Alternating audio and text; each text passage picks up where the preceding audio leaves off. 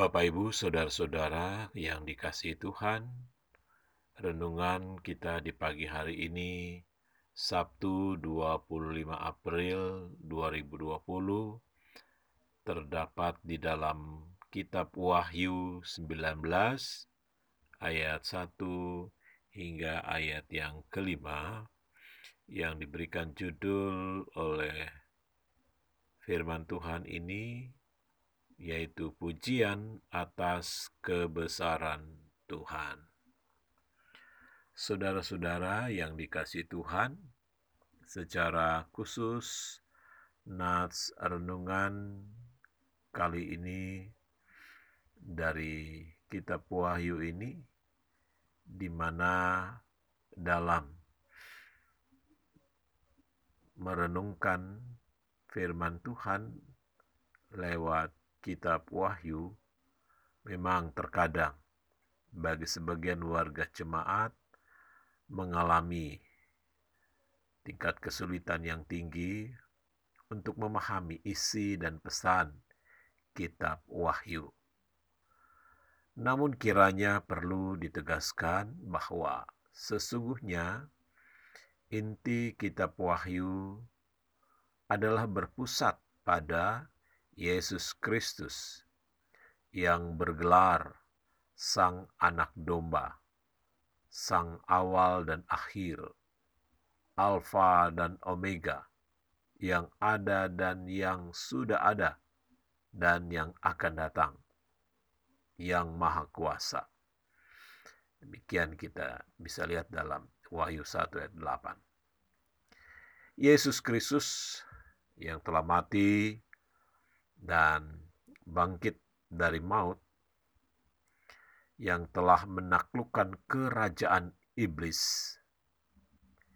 Dialah yang bertahta dalam kerajaan Allah dan layak untuk menerima kuasa dan kekayaan, hikmat, kekuatan, hormat, kemuliaan, dan puji-pujian bahkan sampai untuk selama-lamanya. Wahyu 5 ayat 12 dan 13. Dan orang yang setia dan percaya kepadanya akan dimenangkan dan diselamatkan untuk menerima mahkota abadi. Saudara-saudara yang dikasih Tuhan, Isi pemberitaan kitab Wahyu memang syarat dengan rangkaian penglihatan-penglihatan atau simbol-simbol dan angka-angka tertentu yang diwahyukan kepada Rasul Yohanes oleh Yesus Kristus yang bertahta di sorga. Namun, tujuan kitab Wahyu antara lain adalah yang pertama itu menyapa dan menegur ke tujuh jemaat awal di Asia dan juga bagi kehidupan jemaat masa kini mengenai penyimpangan yang terjadi agar umatnya bertobat. Yang kedua adalah untuk meneguhkan iman warga agar setia sampai mati di dalam iman kepada Yesus Kristus. Dan yang ketiga yaitu memperlengkapi iman warga gereja sepanjang masa mengenai perang rohani melawan kuasa iblis dalam sejarah dunia bahkan sampai akhir. Dan yang keempat adalah memastikan bahwa Allah yang Maha Kuasa di dalam Yesus Kristus, dialah yang Alfa dan Omega, dialah yang awal dan yang akhir, yang telah menaklukkan kuasa dunia atau kuasa iblis, bahkan maut sekalipun. Saudara-saudara yang dikasih Tuhan, secara khusus tentunya dalam renungan kita kali ini antara lain mengungkapkan bahwa para malaikat atau tentara surgawi menyanyikan kemenangan ilahi yang memuji dan mengagungkan penghakiman Allah serta keadilannya atas jatuhnya Babel sebagai simbol kuasa duniawi dan iblis.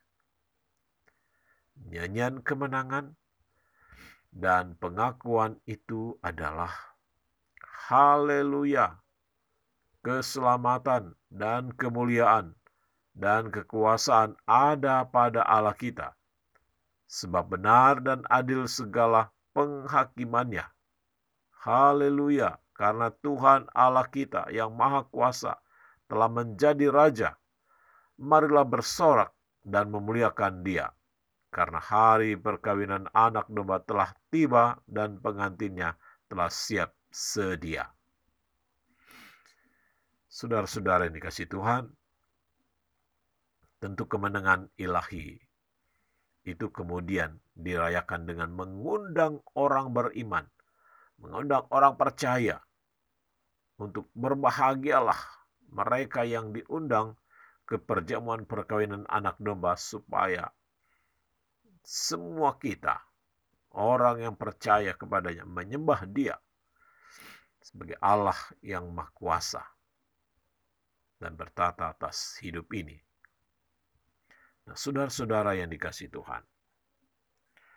Oleh karena itu, layaklah kita atas hidup ini untuk menaikkan pujian atas kebesaran Tuhan yang mengatasi kehidupan kita.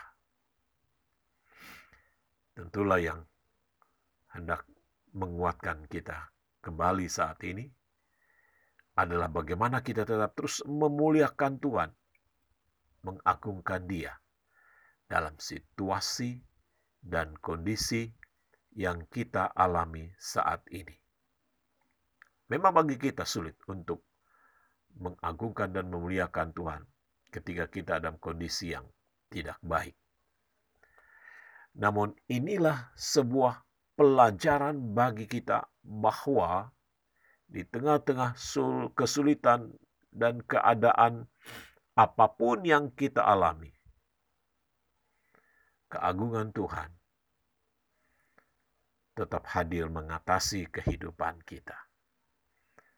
Dan itulah yang boleh menjadi kekuatan dan penghiburan bagi kita sampai hari ini dalam menghadapi realita kehidupan yang ada.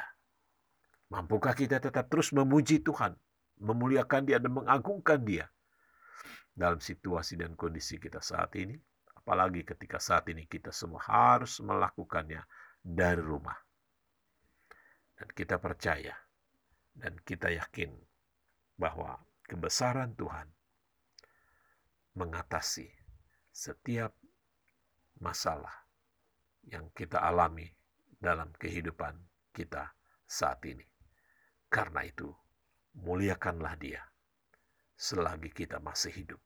Agungkanlah Dia selagi kita diberikan kesempatan untuk menjalani kehidupan kita sampai hari ini, sekalipun dalam beban dan masalah yang berat.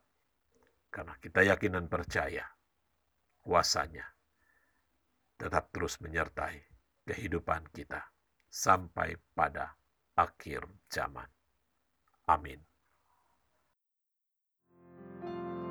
thank you